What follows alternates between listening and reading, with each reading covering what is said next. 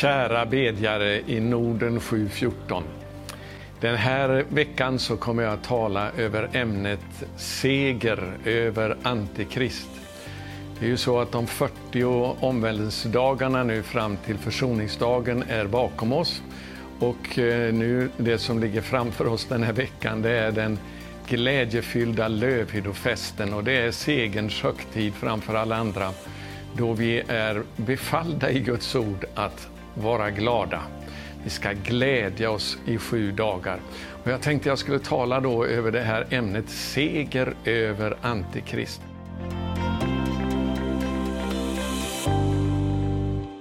Jag vill uppmuntra dig att prenumerera på vår Youtube-kanal och också trycka på klockan så att du får ett meddelande i din inkorg när vi kommer ut med en ny video. Och om du gillar de här budskapen och vill att de ska nå ut så får du gärna vara med och stödja oss på något av sätten du ser här i bild, antingen Swish eller bankgiro. Tack!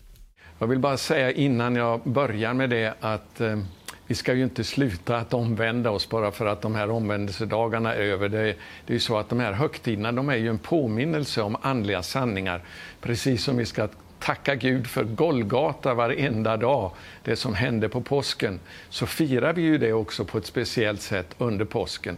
Och likadant är det nu med högtiderna på hösten. De påminner oss om det som vi behöver bli påminda om och känna till när det gäller Jesu ankomst. Eh, och då är det ju det här med omvändelse som är så oerhört viktigt, att vi förbereder oss, att vi omvänder oss så att vi är redo. Och nu är de omvändelsedagarna bakom oss. Eh, jag vill bara säga det innan jag går vidare då, att eh, jag hoppas att du som tittar har sett åtminstone en del av den här bönedagen i Washington DC med Jonathan Kahn och Kevin Jessup. Eh, om du inte har gjort det så gå till hemsidan thereturn.org thereturn.org och speciellt titta på det budskap som Jonathan Kahn förmedlade. Det är ett eh, historiskt budskap skulle jag vilja säga. Och det är ju så här att den här kallelsen nu till omvändelse för att vi ska få se en riktig väckelse.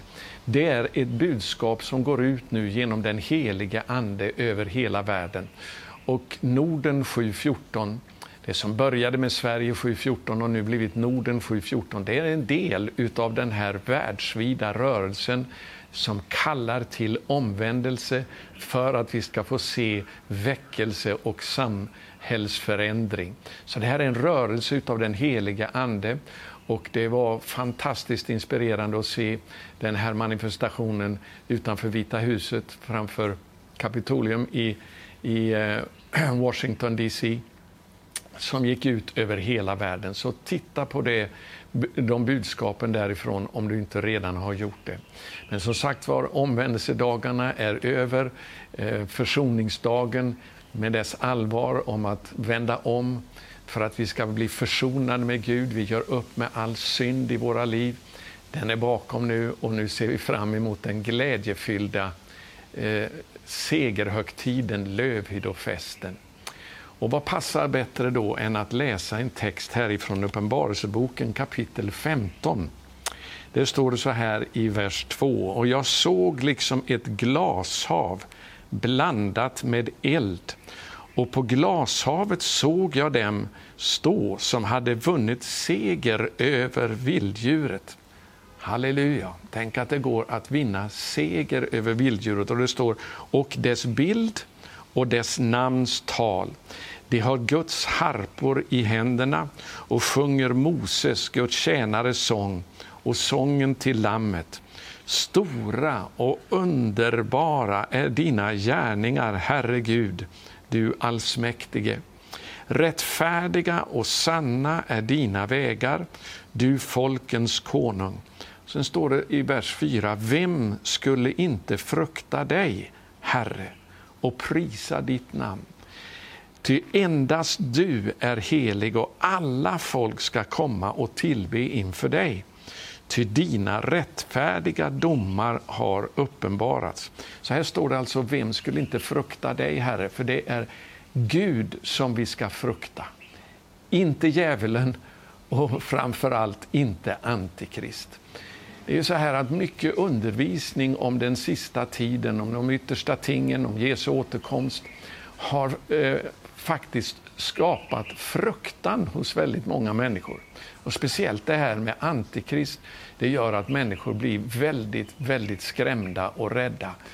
Men jag vill säga det att undervisning som förmedlar fruktan eller ger upphov till fruktan, den kommer inte ifrån Gud. Det är bara så enkelt eh, som så. Vi behöver Eh, alltså undervisning ifrån Guds ord som kommer, är född av den heliga Ande. Den skapar tro och den skapar en glädje när vi tar emot det budskapet. En glädje som ger oss en segervisshet. Och jag tycker det är så fantastiskt att läsa här om att det finns en skara här i himlen, som det står om här, som har vunnit seger över vilddjuret. Och det är ju en av namnen på Antikrist. Eh, och även dess bild, alltså vi vet att den, det talas tidigare i Uppenbarelseboken om att eh, den falske profeten kommer att ehm, sätta upp en bild för att alla människor ska tillbe vilddjuret. Och de som inte tillber det då har den här bilden även makt att kunna döda dem. Det betyder inte att alla av dem som inte tillber den här bilden och det här vilddjuret kommer att dödas, men en del av dem kommer de att kunna förmå att ta livet av. Vi ska komma till det lite grann senare här. Det är så viktigt att vi har den här övervinnande eh, mentaliteten, segervissheten genom den heliga Ande som vi kan få utifrån Guds ord. Och här står det alltså att de har vunnit seger över vilddjuret och dess bild och även dess namns tal. Och det är ju det här 666 som gör att Alltså det är ju vilddjurets tal som det talas om i Uppenbarelsebokens trettonde kapitel. Eh, och det, det gäller att kunna vinna seger över det här och det går att vinna seger. Och det är som sagt var mycket undervisning om de yttersta tingen. De har skapat fruktan ibland Guds folk istället för segervisshet, glädje och tro. Och det är vad vi ska eh, uppmana nu till i den här, eh, under den här sista festen nu högtiden på hösten, nämligen Lövidofesten. För den är just den här segerfesten då vi tar ut redan i förskott att det är vi som vinner seger och att Gud är mäktig att föra oss igenom ända till härligheten i Guds rike. Halleluja. Jag blir påminn här om en vers ifrån Judas brev. Det, den, eh, det sätt som Judas avslutar sitt brev. Jag vill ta fram det här eh, med en gång. Det är vers 24 och 25. Han som förmår bevara er från fall och ställa er inför sin härlighet, fläckfria och jublande. Den ende guden, vår frälsare, genom Jesus Kristus, vår Herre. Honom tillhör ära och majestät, välde och makt före all tid, nu och i all evighet. Amen. Det är han som har all makt i himmelen och på jorden. Och Därför så är det honom vi ska frukta, inte djävulen och inte Antikrist. Utan vi ska veta om det som Johannes skriver också i första Johannes brev, där det står i det fjärde kapitlet, eh, det talar Eh, Johannes, alltså han har redan i det andra kapitlet sagt så här i vers 18. Jag ska läsa det först, första Johannes 2 och 18. Kära barn, den sista tiden är här och liksom ni har hört att Antikrist, singular alltså, skall komma. Det är han som kallas då för vilddjuret i Uppenbarelseboken. Så har redan nu många antikrister trätt fram. Av detta förstår vi att den sista tiden har kommit. Och Sen står det faktiskt om de här antikristerna i vers 19. Från oss har det utgått men det hörde aldrig till oss. Om det hade hört till oss skulle det ha blivit kvar hos oss. Men detta skedde för att det skulle bli uppenbart att inte alla hör till oss. Så eh, antikrist andemakt faktiskt, den kommer utifrån församlingen. Det är där som avfallet kommer att ske och antikrists eh, andemakt kommer att eh, göra sitt intåg. Och det är ju i Guds tempel som antikristen laglöse, kommer att sätta sig och säga att han själv är Gud. Så det förstår vi att vi lever i den sista tiden, för nu är det här avfallet i full eh, gång. Och, eh, det är ju så här att hela den här bönerörelsen nu, Norden 714, den startade ju för drygt två och ett halvt år sedan med ett ord eh, som jag vaknade med den 12 januari 2018.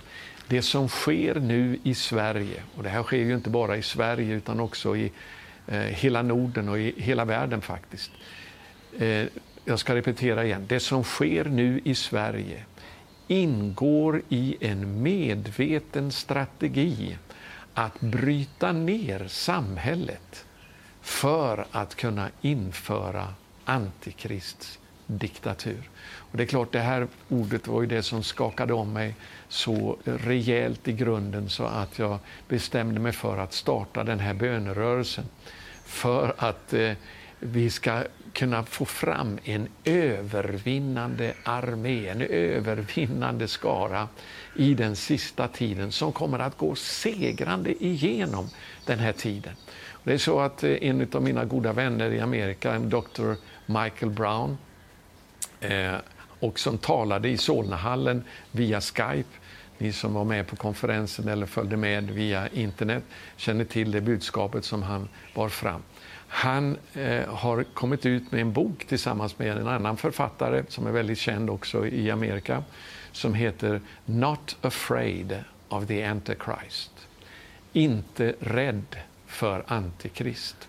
Jag vill rekommendera den boken, den är väldigt bra eh, att läsa för att bli fylld av den här eh, segervissheten att vi är kallade att vinna seger över Antikrist, över vilddjuret, över hans bild och över hans eh, märke och hans namns tal.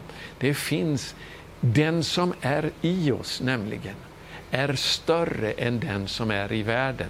Och det här skriver Johannes, och det var det jag ville komma fram till här i första Johannes det fjärde, eh, brev, det, det fjärde kapitlet, där han talar om dessa antikrister. Ska vi läsa från vers 1? Mina älskade, tro inte alla andar, utan pröva andarna om de kommer från Gud. Ty många falska profeter har gått ut i världen. Det här har jag ju talat mycket om i många program. Jesus varnar ju så oerhört starkt för alla falska profeter och falska lärare Eh, som kommer att komma i hans namn och säga att Jesus är Messias men kommer ändå att leda många vilse. Därför måste vi pröva allt utifrån Guds ord.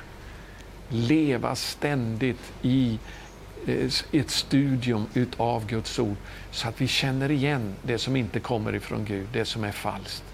Vi lever i den här dagliga gemenskapen i bönen också med Herren.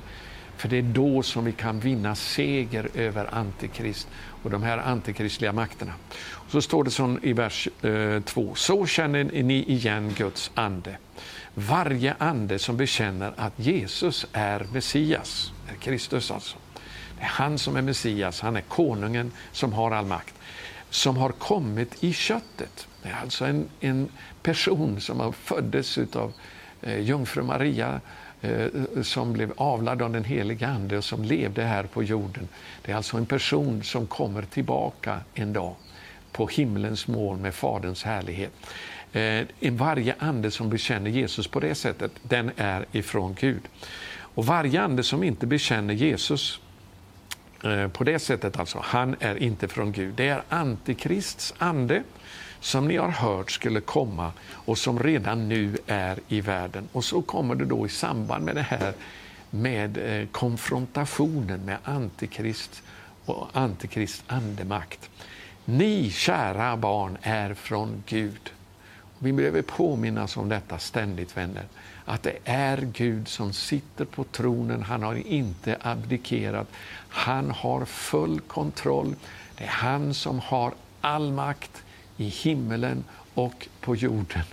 Halleluja! Och den har han gett till sin son Jesus Kristus, eh, Jeshua Messias.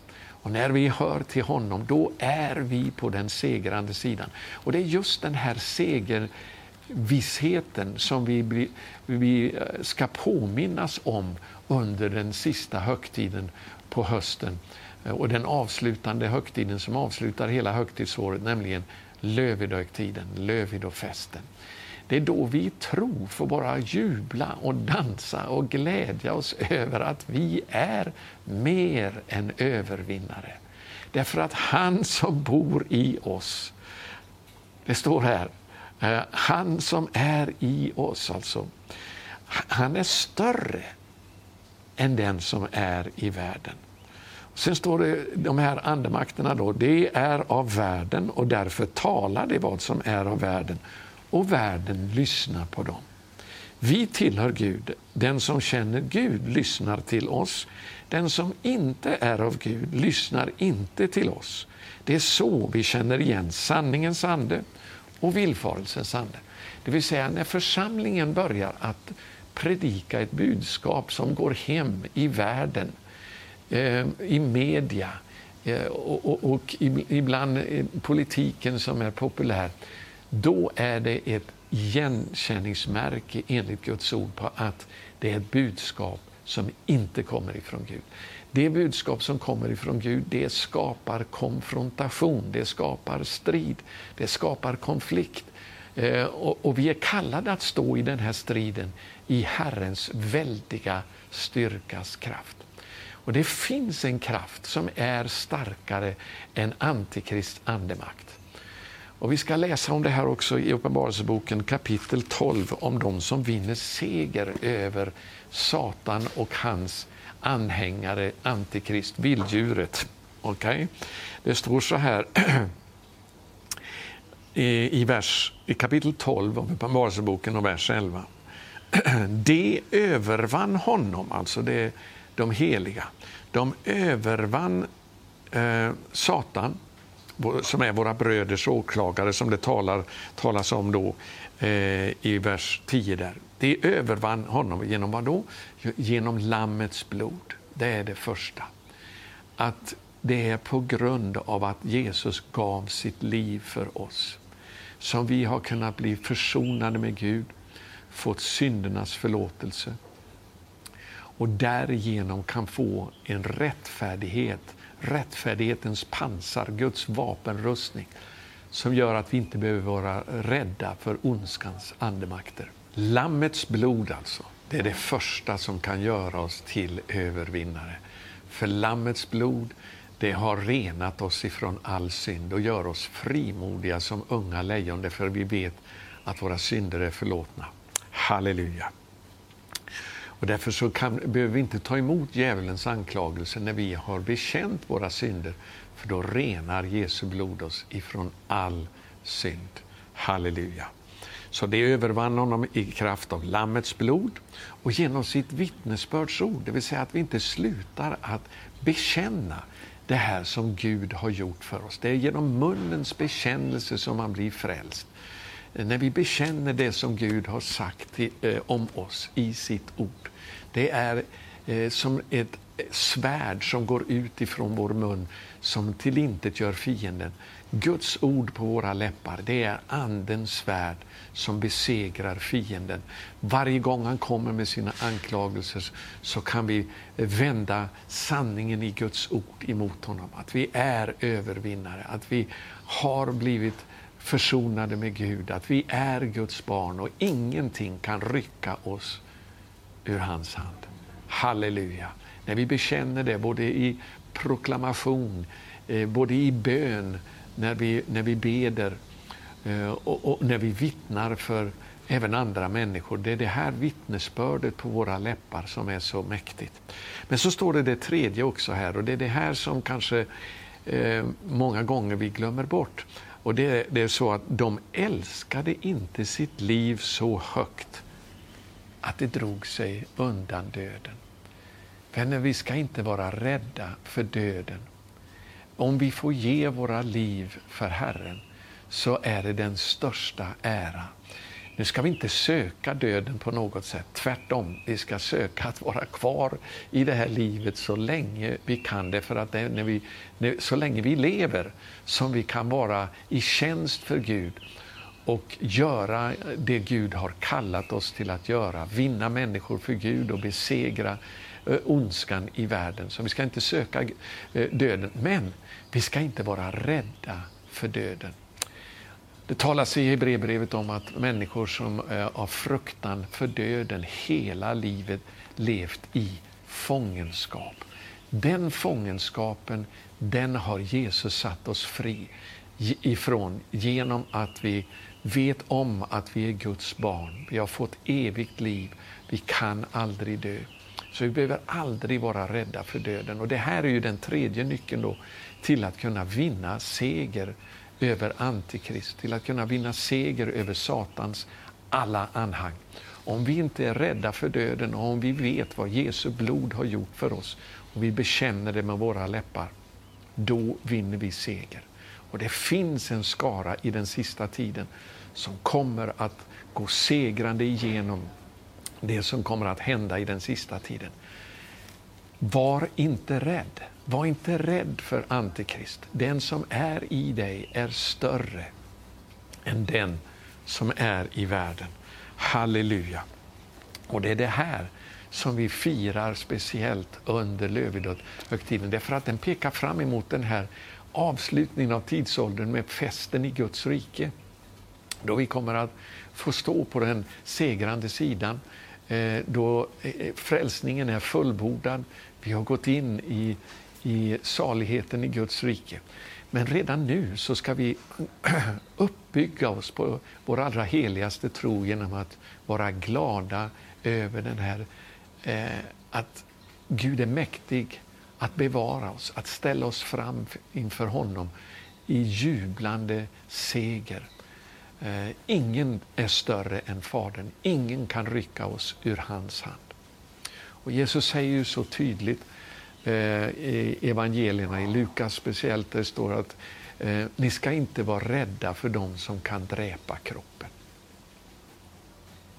Ni ska inte vara rädda för den som kan dräpa kroppen den ni ska vara rädd för, den ni ska frukta, säger Herren, det, eh, Jesus, det är eh, Fadern som har makt att inte bara döda utan också att kasta i avgrunden. Honom ska ni frukta, säger Jesus. Och Det är det underbara att när vi fruktar Gud, då behöver vi inte frukta någonting. Därför att när vi fruktar Gud, och det visar sig alltid genom att vi lyder Gud, det han har sagt i sitt ord, utan att bry sig om vad människor säger. Och när vi gör det, då behöver vi inte frukta någonting annat. Vi behöver inte frukta djävulen. Det finns seger i den här sista tiden. Och det är som sagt var, det är så mycket av undervisningen under den yttersta tiden som har gjort människor rädda. Rädda för det här som kommer att gå fram över världen. Och nu lever vi ju i den här tiden med corona, med covid som det kallas mera internationellt. Eh, den här pandemin som går fram över världen. Och här i Israel, där jag befinner mig nu, där har det ju blivit en ny våg utav den här pandemin och det verkar vara på gång över de Eh, flesta länder faktiskt i världen. Många människor är rädda. Många människor är fyllda av fruktan idag, fyllda av oro för framtiden. Men vänner, det är nu det visar sig om vi har tro på Gud eller inte. Därför Jesus säger just det, när ni ser de här sakerna börja hända, det är då ni ska lyfta era huvuden, räta på er. Därför då närmar sig er förlossning. Alltså den slutliga frälsningen, då vi ska få våra eh, förhärligade, odödliga kroppar och få vara i den eviga gemenskapen med Jesus i Guds rike. Vi väntar inte på en flykt härifrån det här eländet. Vi väntar på att vår segerförste ska komma hit och ta över och att vi har makt att kunna bli, gå segrande igenom de här tiderna som ligger framför nu. Halleluja! Vi är på den segrande sidan och vi behöver inte vara rädda för döden. Och det är ju så att det står om det här i Uppenbarelseboken då, eh, när det gäller vilddjuret, Antikrist. I kapitel 13 så står det ju att i vers 8 så här. Alla jordens invånare kommer att tillbe det. Det vill säga, och så eh, kommer en förklaring vilka det är då. Alla som inte har sitt namn skrivet i Livets bok. Det är de som kommer att tillbe vilddjuret, inte de som har sitt namn skrivet i Livets bok. Halleluja!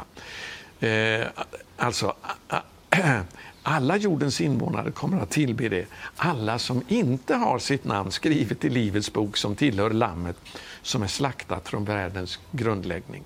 Den som har öron, han må höra. Och sen står det då i vers 20, om någon måste gå i fångenskap, så skall han gå i fångenskap.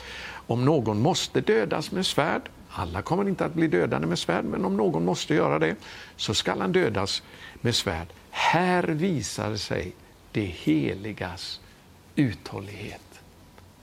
Det vill säga, alla kommer inte att tillbedja vilddjuret, utan det är bara de som inte har sina namn skrivna i Livets bok, i Lammets bok. Det är de som kommer att tillbedja vilddjuret. Men de som har sina namn skrivna i Livets bok, halleluja, de kommer inte att tillbedja eh, vilddjuret. Eh, och här gäller då för oss att ha uthållighet, det är det det står. Och om vi tar vara på det här ordet om uthållighet så kommer Gud att bevara oss i den prövningens stund som kommer att gå fram över hela världen som det står i det tredje kapitlet och vers 10.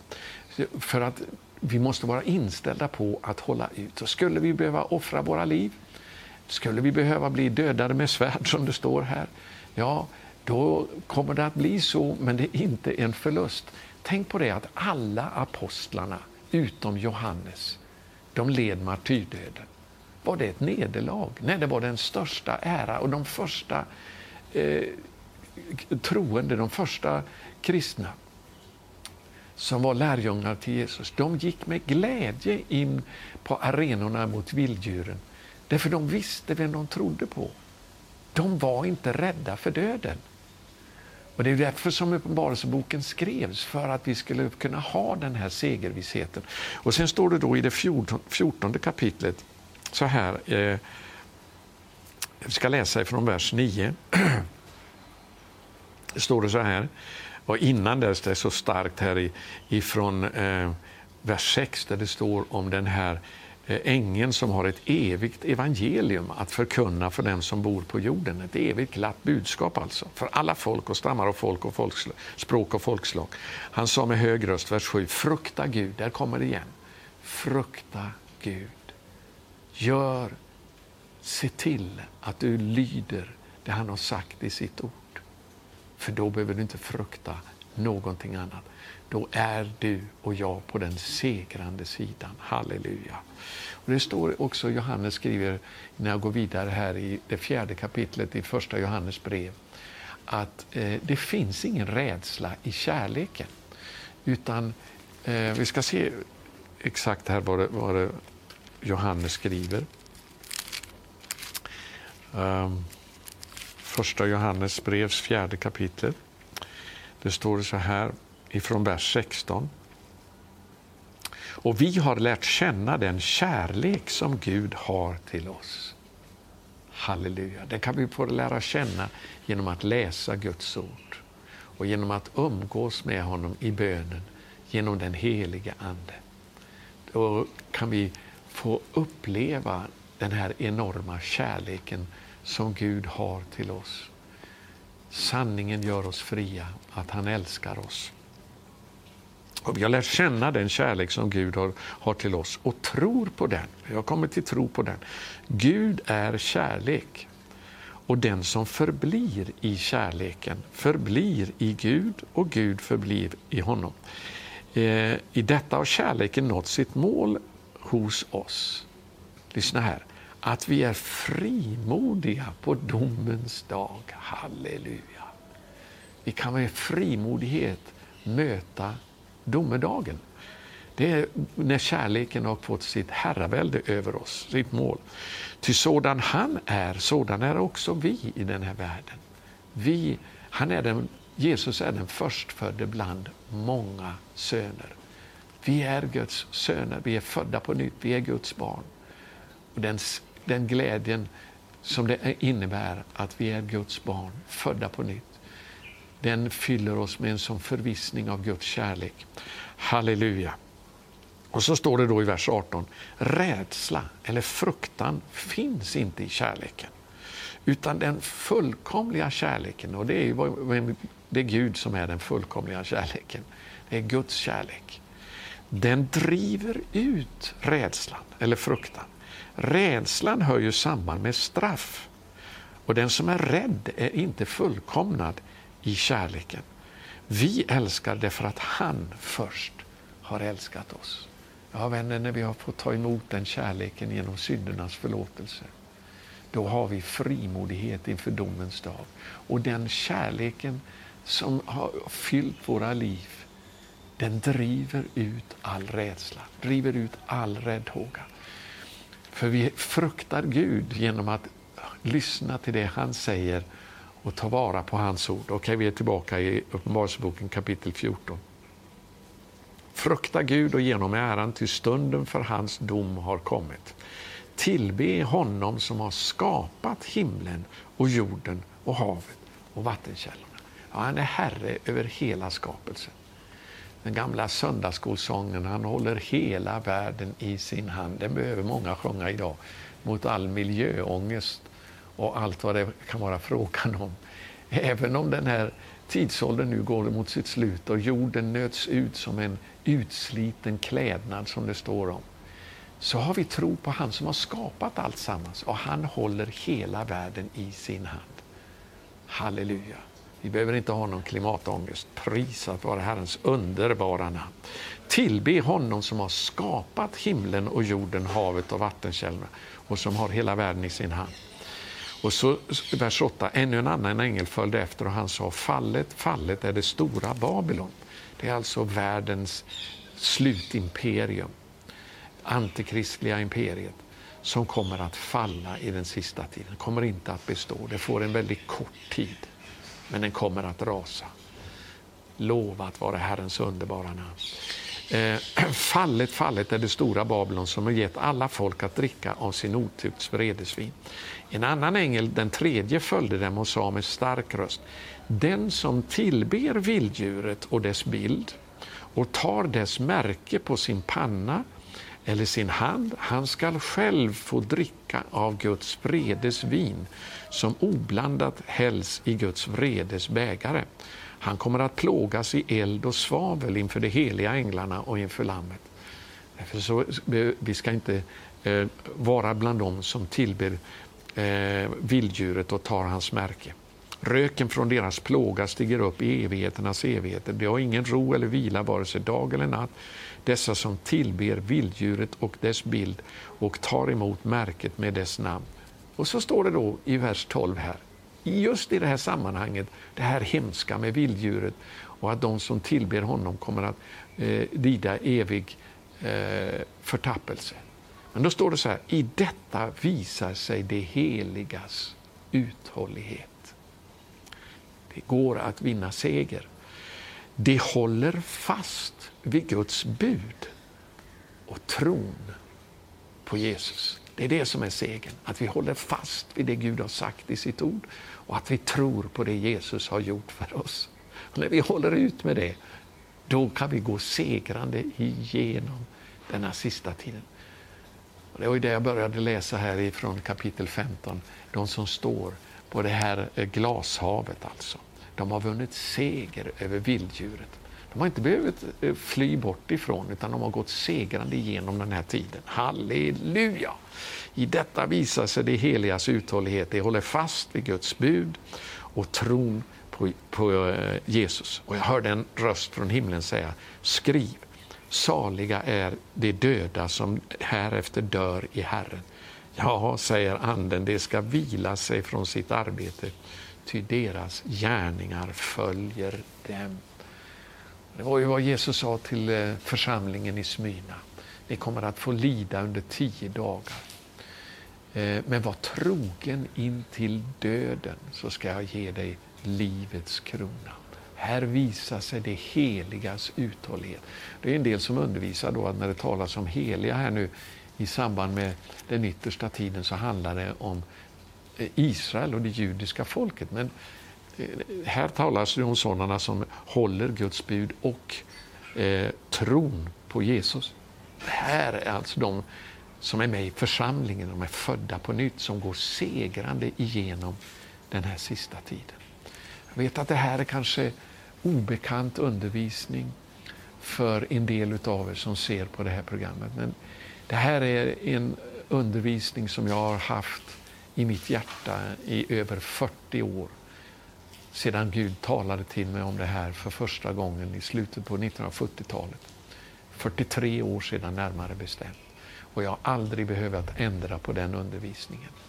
Det finns en seger i den sista tiden. Att kunna gå segrande genom eh, antikristtiden. Halleluja! Gud är mäktig att bevara oss från fall och ställa oss fram inför honom jublande eh, som Judas skriver om. Och vi ska titta på eh, Paulus, den attityden han hade, för han var en människa som inte älskade sitt liv så att han drog sig undan döden. I Apostlagärningarnas 20, 20 eh, kapitel så talar Paulus till de äldste i församlingen i Efesus. Eh, de har kommit ut till honom till hamnstaden där, jag tror den hette eh, Miletus.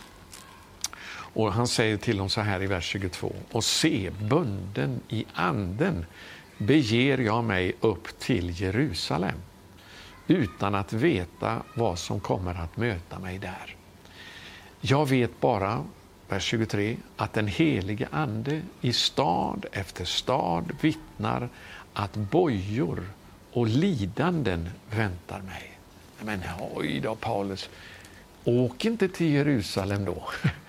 Om det är bojor, alltså fängelse och lidanden som du kommer att få möta i Jerusalem. Men titta vilken attityd, vilken inställning Paulus hade till det här. Vers 24. Men jag anser inte att mitt liv har något värde för mig själv. Jag vill endast fullborda mitt lopp och den uppgift som jag har fått av Herren Jesus att vittna om Guds nåderika evangelium. Där har du en segrande inställning i den sista tiden. Jag anser inte att mitt eget liv är värt någonting för mig själv. Utan det är bara att jag får fullborda den kallelse som Gud har gett mig. Och vi vet att när Paulus sedan kom närmare Jerusalem eh, um, och då står det så här sedan i kapitel 21, alltså när de kom till Tyrus i vers 4. Vi sökte upp lärjungarna, det är Lukas som skriver för han var med Paulus vid det här tillfället, och stannade där i sju dagar. Och då står det så här, det är ju mycket märkligt. Genom anden, alltså genom Guds ande, sa det till Paulus att han inte skulle fara upp till Jerusalem. Ehm, och det var alltså att anden talade om att det skulle bli svårigheter. Men de misstolkade det här och, och trodde att det betydde att Paulus därmed inte skulle åka. Vi ska se vad som, vad som händer här nu eh, efter några dagar. Vers 8. Nästa dag begav vi oss därifrån och kom till Caesarea. Där tog vi in hos eh, evangelisten Filippus som var en av de sju och stannade hos honom. Han hade fyra ogifta döttrar som hade profetisk gåva. När vi hade varit där i flera dagar kom en profet vid namn Agabus ner från Judeen. Han kom nu till oss, tog Paulus bälte och band sina fötter och händer och sa Så säger den helige Ande. Den man som äger detta bälte kommer judarna i Jerusalem att binda så här och utlämna åt hedningarna. Och Då står det sen i nästa vers. När vi hörde det bad både vi och de som bodde på platsen Paulus att han inte skulle fara upp till Jerusalem. För nu har han ju, alltså redan i kapitlet innan så står det i stad efter stad så talar den helige Ande till mig om att bojor och lidanden väntar mig i Jerusalem. Men Paulus har redan gjort upp sitt, eh, bes, bes, eh, sitt beslut att det spelar ingen roll vad som kommer att hända. Jag vet, han visste att Gud ville att han skulle fara till Jerusalem. Och därför sa han, det spelar ingen roll om det innebär döden för mig, dit ska jag. Och därför svarar han dem så här då i vers 13 här. Då svarade han, varför gråter ni och får mitt hjärta att brista? Jag är beredd inte bara att låta mig bindas utan också att dö i Jerusalem för Herren Jesu namns skull. När han inte kunde övertalas lugnade vi oss och sa, ske Herrens vilja. Och så med Guds frid i hjärtat så går Paulus så att säga döden till mötes i Jerusalem. Nu var det inte Guds vilja att han skulle dö.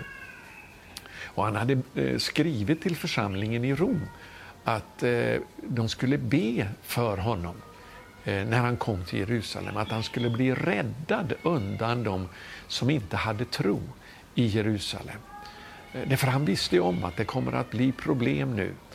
Eh, och Gud räddade honom ur den här eh, plotten som de hade där att ta livet av Paulus. Vi läser det senare där i, i Apostlagärningarna så, eh, där det var, de hade svurit vid sig själva att inte äta förrän de hade tagit livet av Paulus. Men Gud hörde bön, räddade Paulus ifrån det. Sedan vet vi att han ändå fick lida martyrdöden, men det var när hans kallelse var avslutad. Han hade fullbordat loppet. Gud är mäktig att bevara oss för den punkten. Och om vi då måste ge våra liv så är det inte ett nederlag. Vi måste bli av med fruktan för döden, vänner. Det hade de första lärjungarna, de första kristna.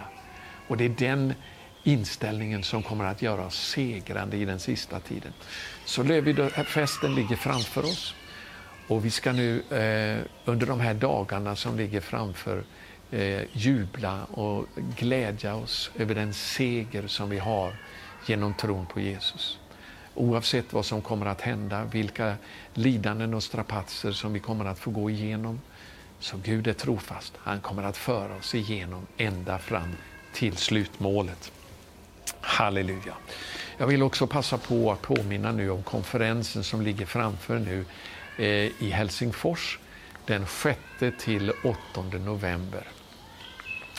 Eh, och det, är, det är alltså en bönekonferens i Norden 714 för alla bedjare i Nordens länder.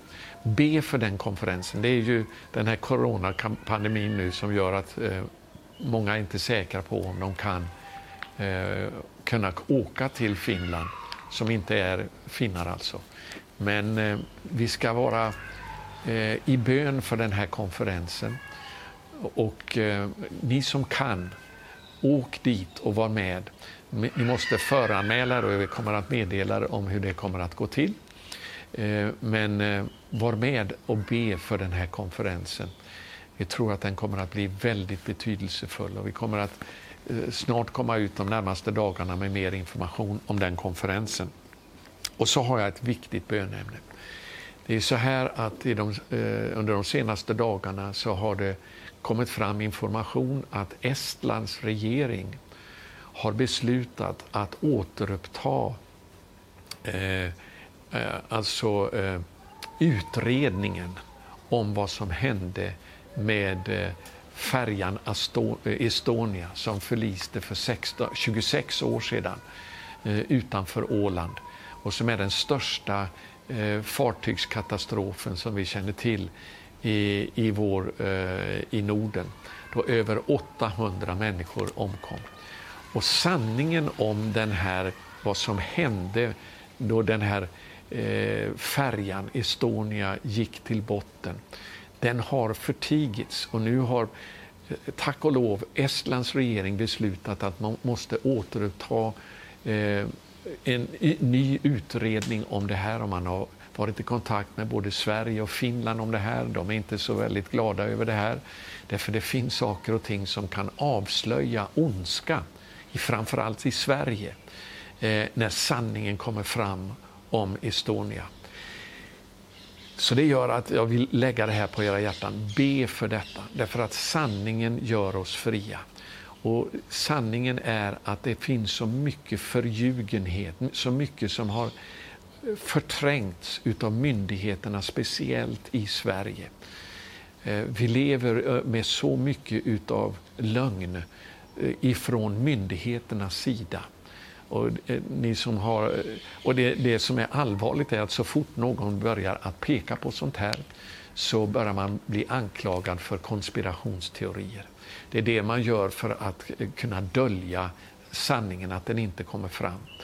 Eh, Sveriges regering har ljugit gång på gång om Estonia-katastrofen och man har försökt att eh, förtiga sanningen. Nu har Estlands regering bestämt, bestämt sig för att de måste återuppta eh, forskningarna och undersökningarna, starta en ny kommission för att gå till botten, så att säga, bildligt talat, bokstavligt talat också, med det som hände med den här färjan. Låt oss be att sanningen kommer fram och att den avslöjar den, den orättfärdighet som måste avslöjas för att våra nationer i Norden, speciellt Sverige, men även Finland, ska kunna vända om. För sanningen är det som gör oss fria. Och de som har förtigit sanningen, de behöver ställas eh, ansvariga för detta. Så eh, be för det här vänner, det är ett mycket angeläget bönämne. Och så glöm inte, var glad, gläd er, fröjda er eh, under den här sista högtiden. Prisa Gud för att han har gjort oss till övervinnare. Vi behöver inte frukta någonting. Det är så många, mycket förkunnelse som har gått ut som har överdrivit djävulens förmåga, som har överdrivit detta med antikrist. Visst kommer det att bli en väldigt svår tid. Men när du läser Bibeln så kan du se att Gud har någon, den som är i oss är större än den som är i världen, en antikrist. Vi kan vinna seger i denna sista tid.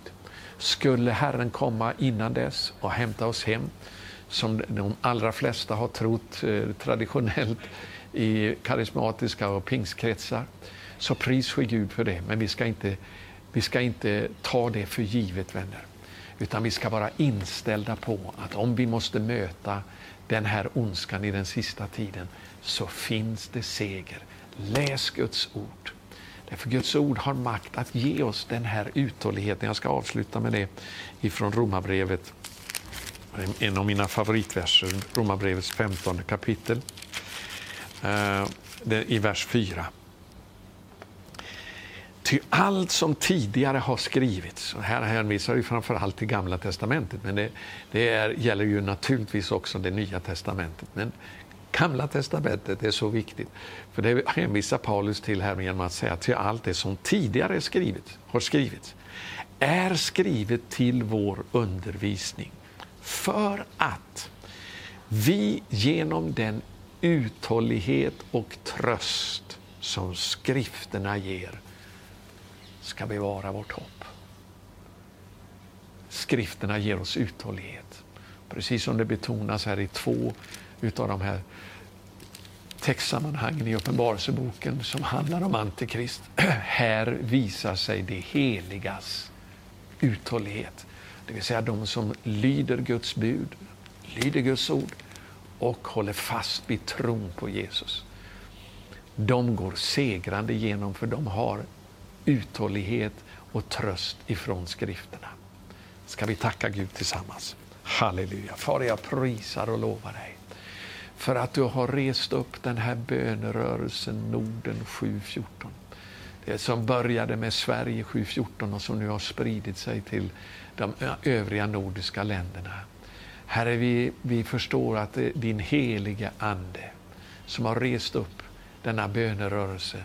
Tack för det tilltal du gav mig den där morgonen den 12 januari 2018 som gjorde att jag fick eh, klart för mig att starta den här bönerörelsen. Och jag tackar dig nu, Herre, för att du vill fylla varenda bedjare med en övervinnande tro, med en segervisshet, med en frihet för fruktan för döden.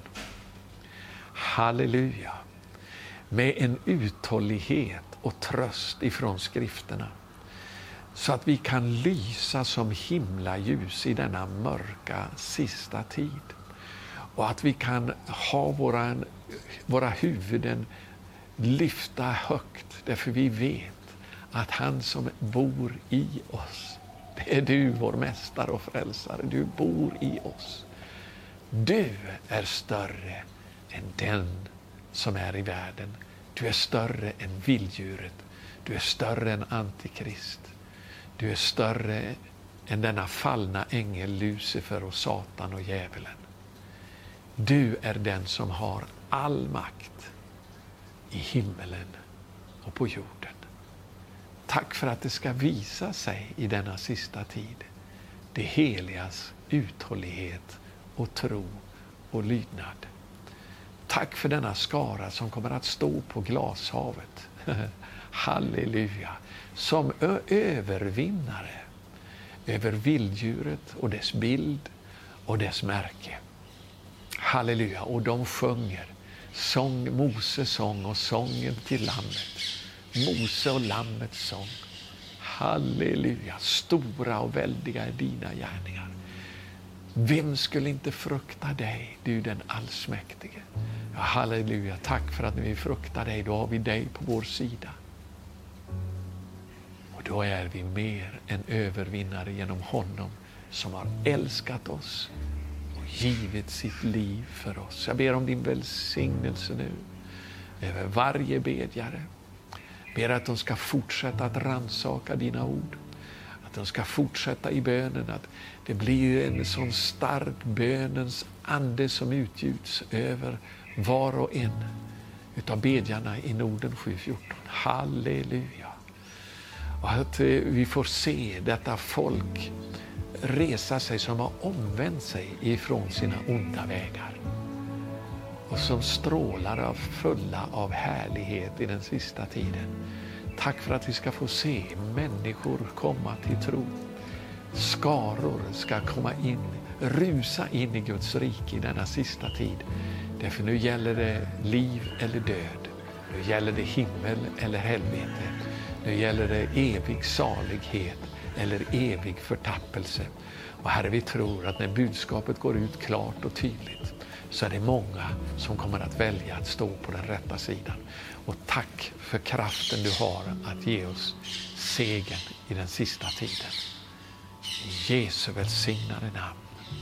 Amen. Gud välsigna dig.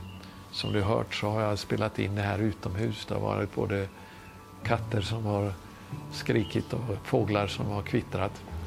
Eh, om eh, ett par dagar nu så börjar Lövhydofesten här i Jerusalem. Och vi ska glädja oss mitt under pandemi och allt annat. För vi vet att vi är övervinnare. Gud välsigne dig.